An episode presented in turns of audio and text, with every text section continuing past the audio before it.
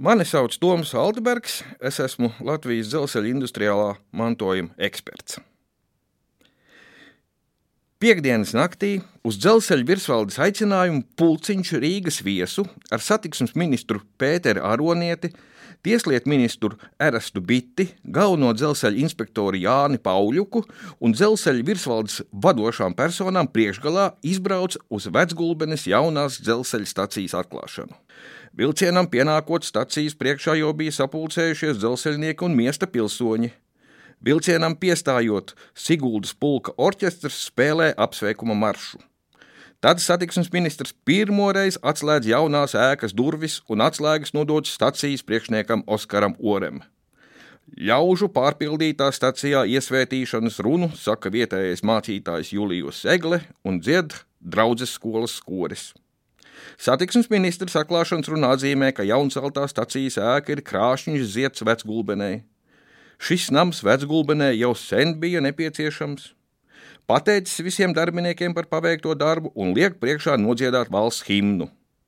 Dzelzceļa galvenais direktors Andrejs Rodes sniedz pārskatu par stacijas būvi. Pamati likti pagājušā gada 27. jūnijā, Apbūves laukums 1192 km, tā ka celtne pieder pie lielākām valstī. Ar stacijas atklāšanu pamazinās asā dzīvokļa krīze vecgulbenē, jo daudzās dzelzceļa mezgla iestādes novietosies stacijā. Būve izmaksājusi 265 496 latus. No dažām pusēm pārmests, ka dzelzceļa virsvalde ceļ pilis, kamēr valsts pārdzīvo saimniecisku krīzi. Runātājs aizrāda, ka ēkas tiek celtas uz paudžu paudzēm, un ja mēs arī turpmāk strādāsim radošu darbu, tad pēc gadu desmitiem mūsu valsts būs par paraugu citām. Koris dzied nevis slinkojot un pūstot. Šādi te lūk, 1926. gadā tika atklāta faktiski jā, viena no lielākajām dzelzceļa stacijas ēkām Latvijā - Gulbene, Un tagad ir jautājums, eh, kāpēc Gulbenē jābūvē lielākā stacijas ēka? Nu, jā, Rīgā bija mazliet lielāka, bet tas jau ir sens stāsts.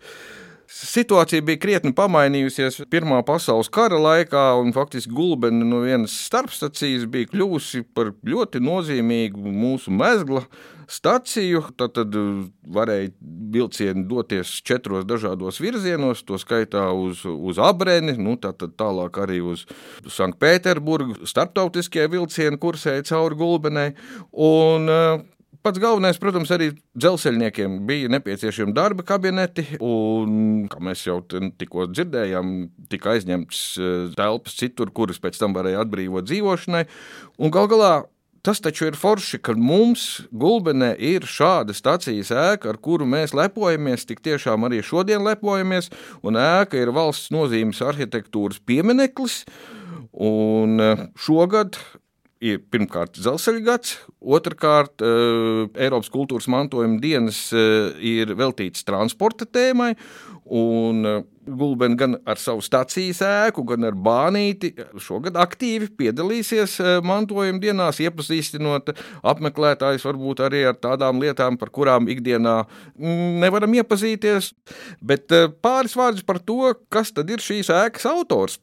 Pēters Feders akadēmiķis Pēterburgas Mākslas akadēmijā, viens no Latvijas Mākslas akadēmijas dibinātājiem, tās eh, profesors, kā arī prorektors no 1921. līdz 1935. gadam, brāļu kapu ansambļa galvenais arhitekts un, protams, daudzu Latvijas dzelzceļa staciju ēku galvenais arhitekts.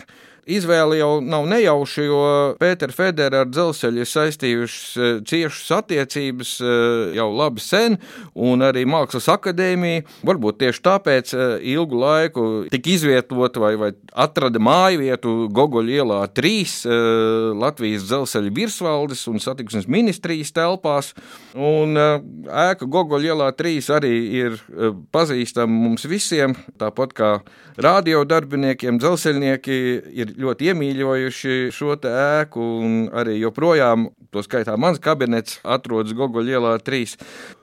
Un eh, stāsta nobeigumā vēl kāds citāts eh, no 1926. gada eh, Latvijas karēvi izdevuma. Pēc profesora Pētera Federa projekta celtā stacijas ēka atstāja tīkamu iespaidu. Tā veidota klasiskā stilā ar kolonādēm. Apakšstāvā pasažieriem uzgaidāmās telpas ar bufeti, bet augšstāvā izvietotas iestādes. Ar jauno celtni vecgulbenes mezgls gūst ērtu stacijas ēku, pret kuru līdzinējā pagaidu ēka liekas sīka būdiņa.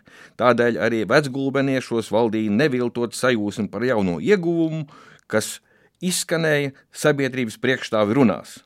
Svinības noslēdz kora dziesma, cik mīlīgas ir tavas mājas.